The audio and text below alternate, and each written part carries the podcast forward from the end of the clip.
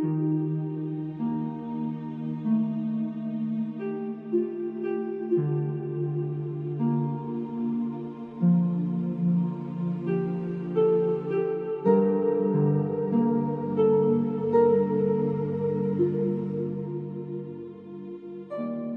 сонсогч таны энэ өдрийн амраа маглан айлтгая.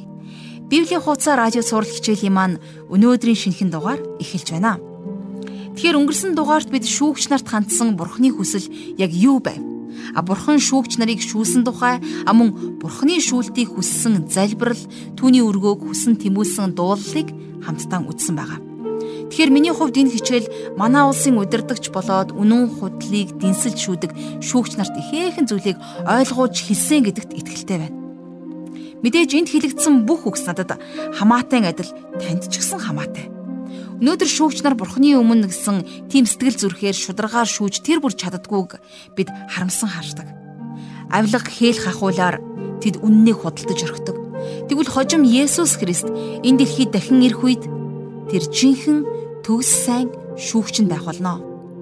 Тэр ядуусыг болон зовгстыг, дарлагчдыг өмгөөлн зөвтгөгч гэдгийг хүн бүхэн мэддэг.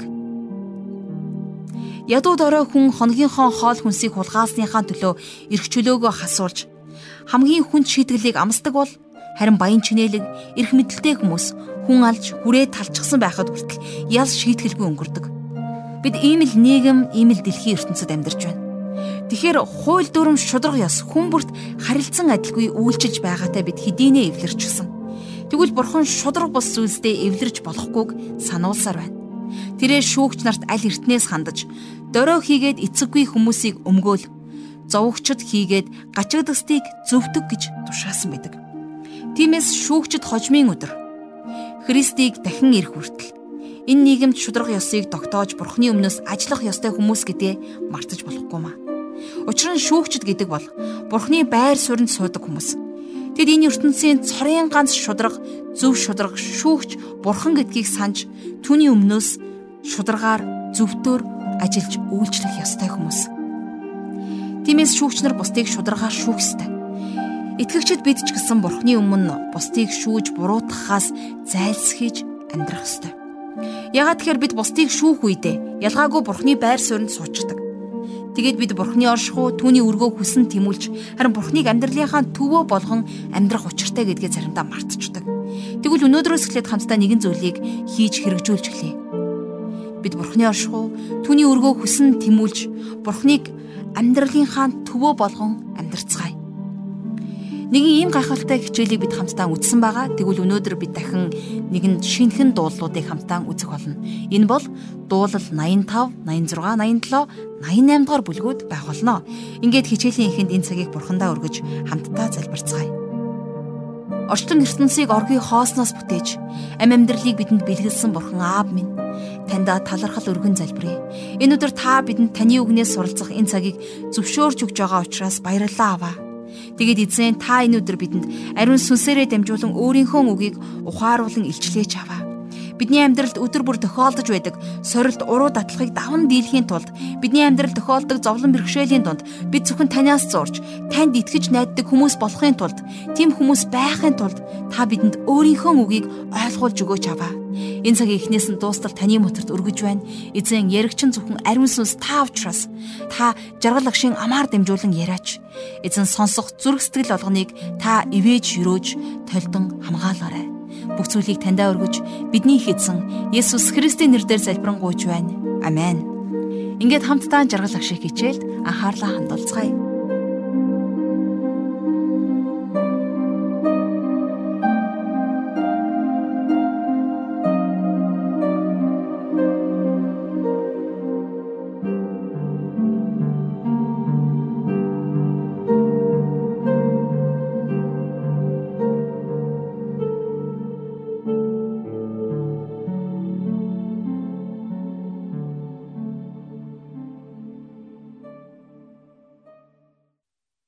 За дуул номынхон судлалын өнөөдрийнхөө дугаараар хамтдаа дуулал номын 85-аас 88 дугаар бүлгийг дуустал нь үзэх болно. За Библийн судлаачид энэхүү бүлгийг Эзра Нихимайгийн үед Израильчууд их нутагтаа иргэн ирсэн тэр үйл явдлын зөгнөл иш үзүүлэг байсан гэж үздэг. За нөгөө талаасаа энэ дуулал бол ирээдүйд болох үйл явдлын зөгнөл гэж үздэг.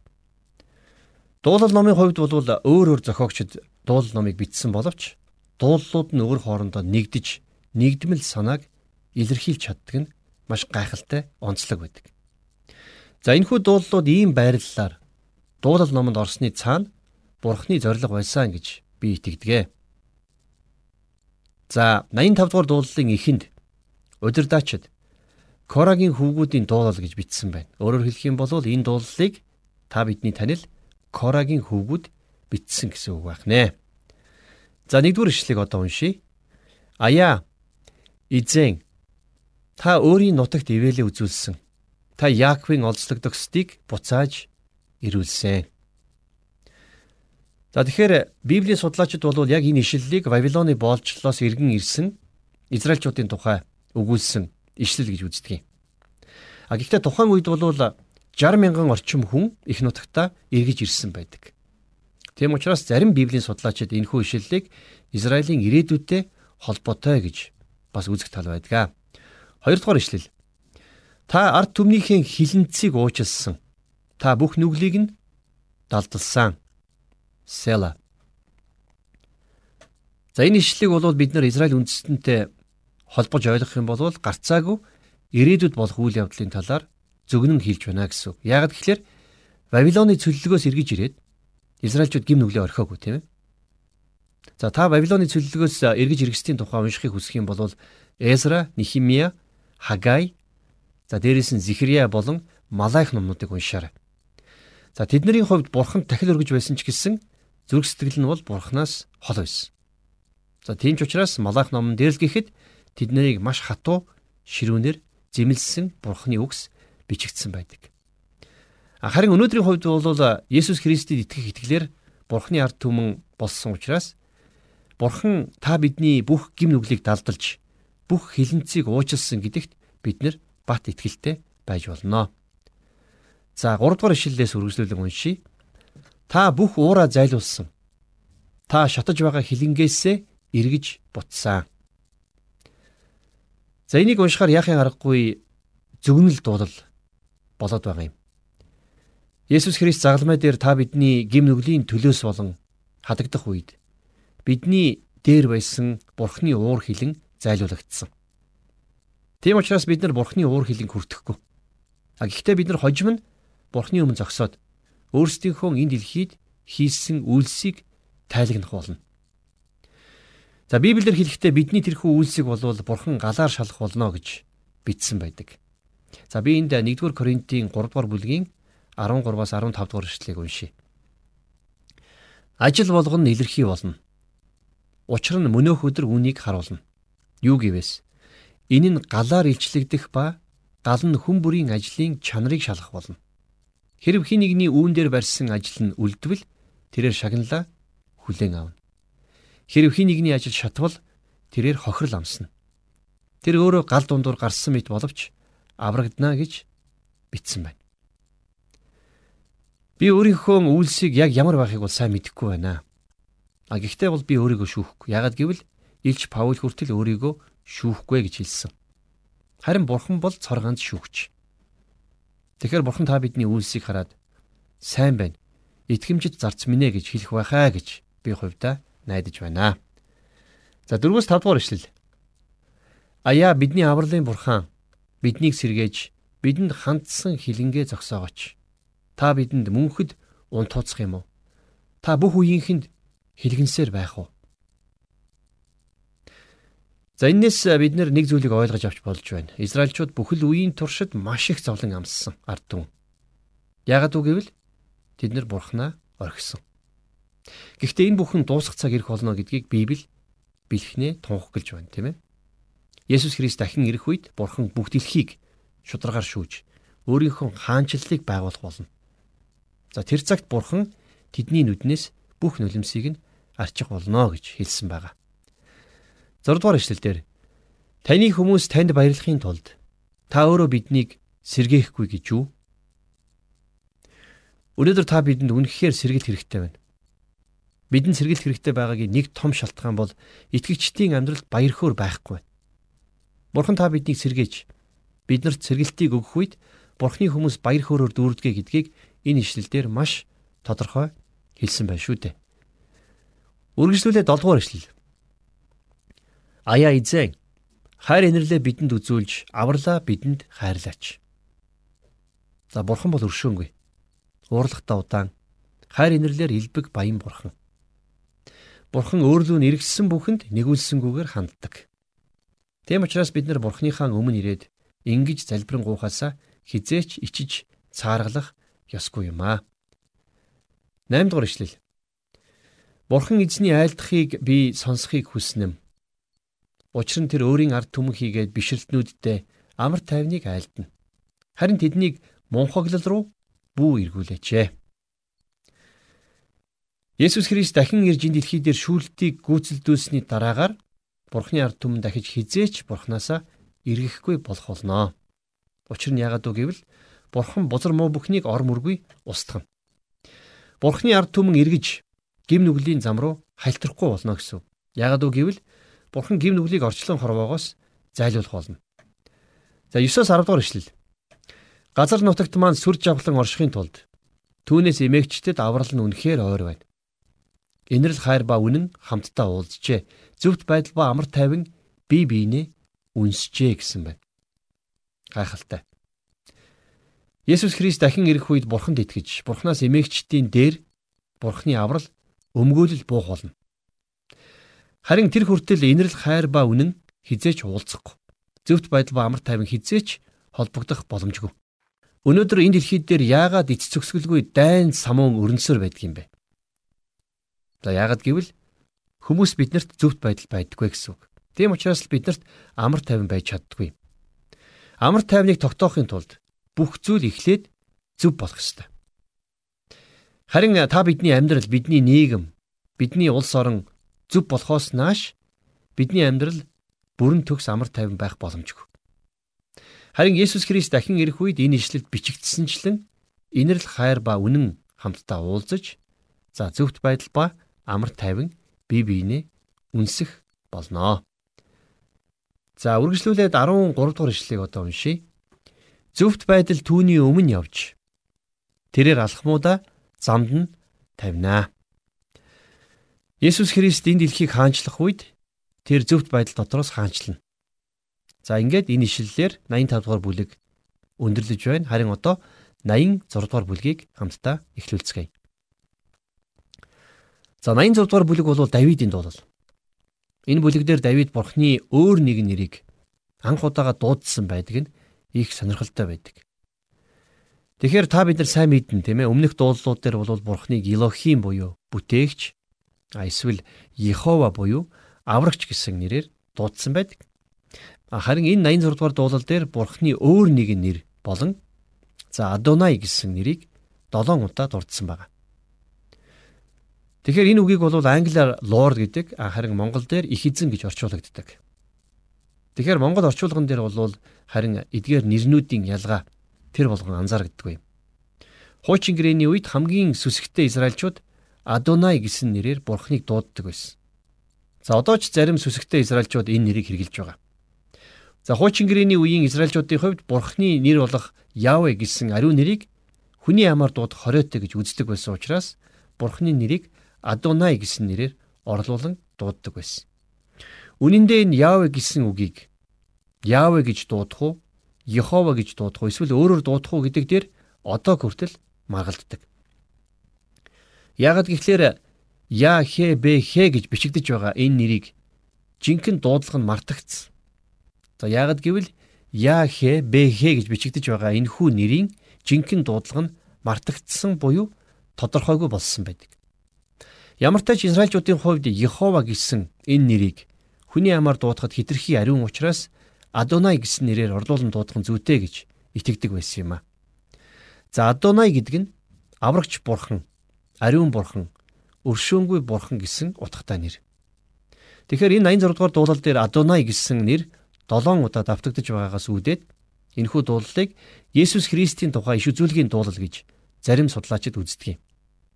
А гэхдээ энэ дуулал дээр гарч байгаа залбирлын өнгө аяс утга агуулгаас нь харах юм бол За бас арайч тийм биш болох нь харагддаг.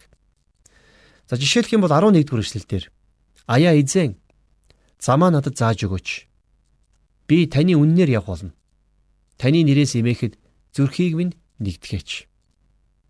Тэгэхээр энэ ишлэг бол бид нар Есүс Христтэй холбож тайлбарлах боломжгүй. Яагаад гэвэл эзэн Есүсийн хувьд Бурханаас ингэж гуйн залбирах ямар ч шаардлага байхгүй. Яагаад? Яагаад гэвэл Есүс энэ дэлхий дээр ирэхдээ эцэг бурхныхаа хүслийг гүйцээхийн тулд ирсэн тийм ээ. Харин энэ ишлэлийг бид нар шууд утгаар нь өөрсөддөө холбож ойлгох нь илүү тохиромжтой.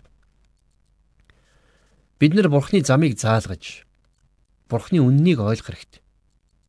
Бидний зүрх сэтгэл эзнээс имэх үед байнга суралцж байх хэрэгтэй. Харин Есүс Христийн дэлхий дээр бурхан эцгийнхээ хүслийг гүйцэлдүүлэхийн төлөө л ирсэн. Тэр түүнийг 100% гүйцэлдүүлж чадсан. Өнөөдөр итгэгч бид нар маш олон зүйлд сатаарч явах ёстой тэрл замаараа замж чадахгүй. Амьдралын аарсаар зүйлтэй хөөцөлдөн амьдарч байна. Тэгэд энэ нэргээд бидний итгэлийн амьдралыг гэрчилгүй хүчгүй болгож байдаг. Илч Паул хэрэгтэй би нэг л зүйлийг хийдгээ гэж хэлж байсан.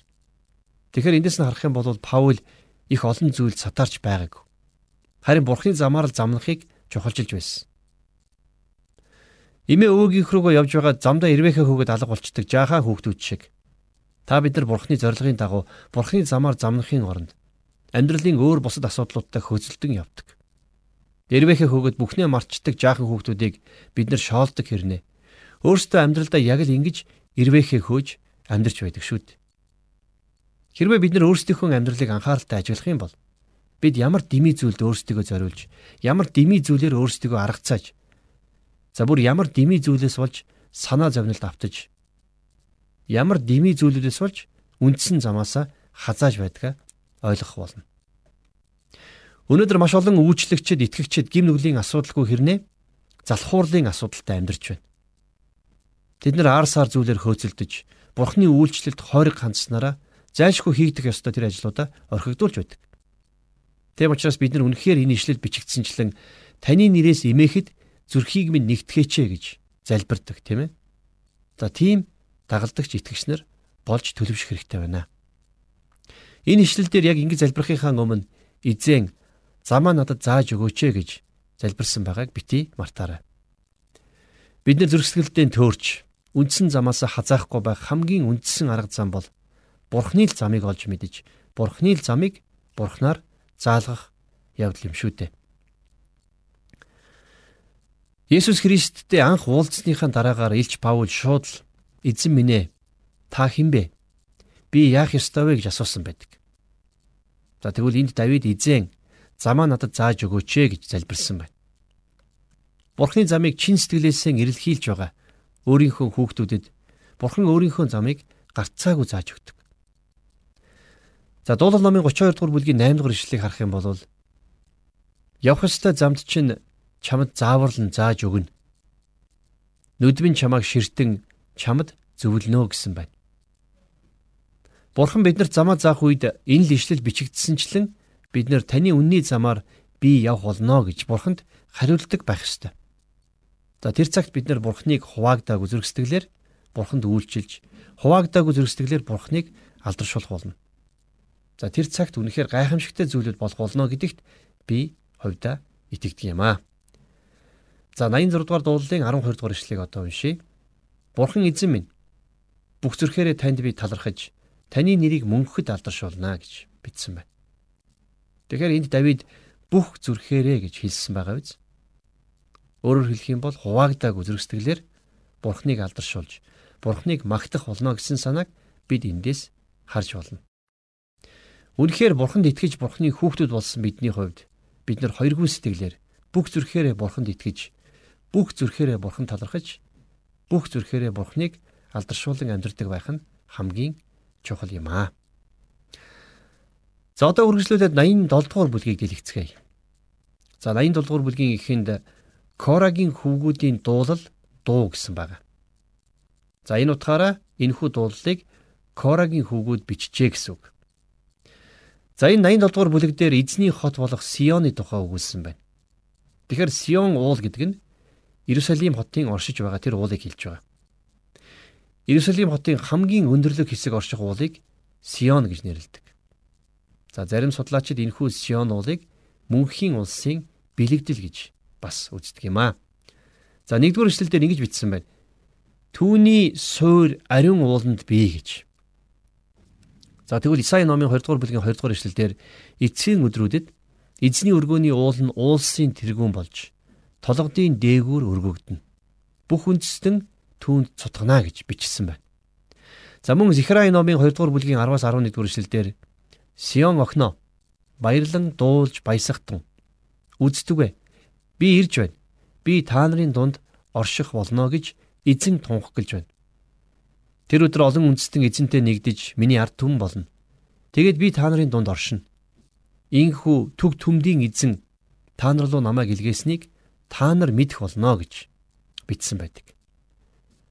Тэгэхээр Есүс Христ хожим дахин ирэх үед Бурхан бүх үндэстнийг өөрийнхөө захиргаанд оруулж тэд нарыг ариун уулнаасаа захирах болно гэсэн үг байна. 2-оос 3 Сионы үүд хаалгуудыг Яаковын оршин суух газруудаас илүүгээр эзэн хайрладаг. Бурхны хотоо чиний талаар сүр жавхланд юмс яригддаг аа. За хэрвээ та санаж байгаа бол яг энэнтэй адилхан утгатай үгс дуулал номын 48 дугаар бүлэг дээр гардаг. Хэрвээ бид нэр дуулал номын 48-ийн 1-ээс 2 дугаар ишлэгийг харах юм бол ингэж бичсэн байна. Бурхны маань хот ариун ууланд эзэн авгаа бөгөөд үлэмж ихээр магтагдана. Үзэгсэлэнд өндөрлөг бүх дэлхийн баяр хөөр хойд хязгаарт буй Сион уул нь их хааны хот юма гэж бичсэн байна. За дөрөвдүгээр ишлэлийг үргэлжлүүлэн харъя. Намайг мэдгчдийн дунд Рахабыг болон Вавилоныг би дурдна. Харахтун Филист ба Тир Этиопийн хамт энэ нэгэн тэнд төрсөн гинэ. За энд гарч байгаа Рахаб гэдэг нь бол бидний сайн мэдих за Ерихогийн янхан эмэгтэй Рахаб биш юм. Харин энд гарч байгаа Рахаб гэсэн нэрээр Египтийг нэрлсэн байгаа. Тэгэхээр Исаи номын 51-р бүлгийн 9-р ишлэл, Дуулал номын 89-р бүлгийн 10-р ишлэл гэсэн ишлэлүүдээр Египтийг Рахаб гэж нэрлсэн байдаг. За Рахаб гэдэг нь бол үүмэн самун гэсэн утгатай үг. За харин Вавилон гэдэг нь эмэгт замбраагүй байдал гэсэн утгатай нэр юм. Есүс Христ дахин ирж энэ дэлхийг хаанчлах үед энэ дэлхий дээр байсан бүх үүмэн самун, бүх эмэгт замбраагүй байдал эцэс төгсгөл болох болно. За 6 дугаар ишлэгийг одоо уншийе. Харин Сионы тухай энэ хүн ба тэр хүн түүний дотор төрсөн гэж хэлэгдэнэ. Хамгийн дээд нэгэн өөрөө түүнийг байгуулна. Эзэн хүмүүсийг бүртгэх үедээ тоолж энэ нэгэн тэнд төрсөн гинэ. Села. За тэгэхээр бурхан өөрийнхөө хаанчлалыг өөрөө байгуулна. Өөрөө шударгаар захирах болно. Бид нар бүгдээрээ Есүс Христэд итгэх итгэлээр дамжуулж мөнхийн улсын иргэд болсон. Тэм учраас тэр цагт бид нар бүгдээрээ Бурхны хаанчлал төрсөн. Бурхны хаанчлалын иргэд гэж тооцогдох болно. За хичээлийнхэн эцэст хамтдаа дуулал номынхон 88 дугаар бүлгийг товчхон үздэцгээе. За энэ бүлгийн эхэнд дуу Корагийн хүүгүүдийн дуулал удирдаачид Махалат Леонотын дагуу Эзра хүн Химаны Маскил гэж бичсэн байна. Тэгэхээр энэ дуулал нь бол маскил дуулал гэсэн үг байх юм тийм ээ.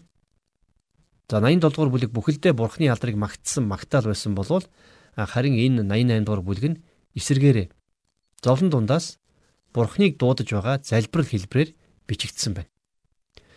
За энэ 88 дугаар бүлэг бол дуулал номон дээрх гашуудлын залбирлууд дотроос хамгийн хар бараан гэж ойлгож болохоор байна. Хамтдаа одоо нэгдүгээр ишлэгийг уншийе. Аяа эзэн авралын минь бурхан. Би өдрөөр болон шөнөөрч таны өмнө хашгирсан. За тэгэхээр энэхүү гашуудлын залбирал дундах ганц гэрэл гэгээ бол эзэн бол авралын минь бурхан гэсэн энэ итгэл байна. За энэ дуулалыг Йов эсвэл уйман өвчнөд оссон Үзие хаантай холбож тайлбарладаг. За зарим нь гянтанд хоригдож байсан Иремая, өхлөд өвчтөй байсан Хизикай хаантай ч холбож тайлбарладаг. За ямар ч тач энэ дуулал дээр маш их зовлон шанал гарч байна. А гэхдээ тэр бүх зовлон шаналлынхаа дунд дуулалыг бичигч маань Бурханд итгэх итгэлээ огт орхиогүй болохыг бид харж болж байна, тийм ээ. Тэрээр юу хэлсэн гэлээ? Аяа эзэн авралын минь бурхан гэж дуудсан. За энэ бол энэ 88 дугаар дуулалын үндсэн сэдв байгаа юм. За цааш нь хамтдаа хідэн ишлэл алгасаад шууд 15 дугаар ишлэлийг одоо харъя. Би залуугаасаа зовж үхэх шахсан. Би таны аимшгуудыг амсан твднэм. За тэгэхээр энэхүү дуулалыг бичсэн хүн ямар хүн хэцүү нөхцөл байдал байсныг нь бид нар эндээс төсөөлж харж болохоор байна.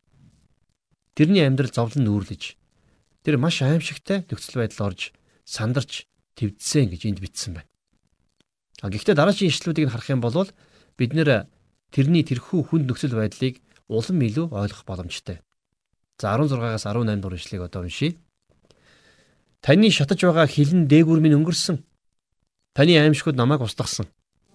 Тэдгээр намайг ус мэт өдөржин хүрээлж тэд хамтдаа намайг бүсэлсэн. Та амраг хайртыг бас анд нөхрийг надаас холдуулсан танилуд минь харанх үед байна. Тэгэхээр яг энэнтэй адилхан сэдвтэ бусад дуулууд дээр дандаа зовлон шаналлаар эхлээд бурхны аврал гэрэл гэгээр дуустдаг байсан болвол харин энэ 88 дугаар дуулал эсэргээрээ харанхуугаар эхлээд харанхуугаар дуусч байгааг бид сая харлаа. Нар мандаж өглөө үр цайхын өмнөхөн хамгийн гүн харанхуй болдог шүү дээ. А гэхдээ тэрний дараагаар нар мандаж өглөө болдог. За тэгвэл яг энэтэй адилаар Бурхны авралд найдаж хүлээж байгаа энэ хүний хувьд ч гэсэн бас энэхүү түнэр харанхуй мэд зовлон шаналлын эцэст Бурхны аврал тусламж ирсэн нь гарцаагүй юм аа.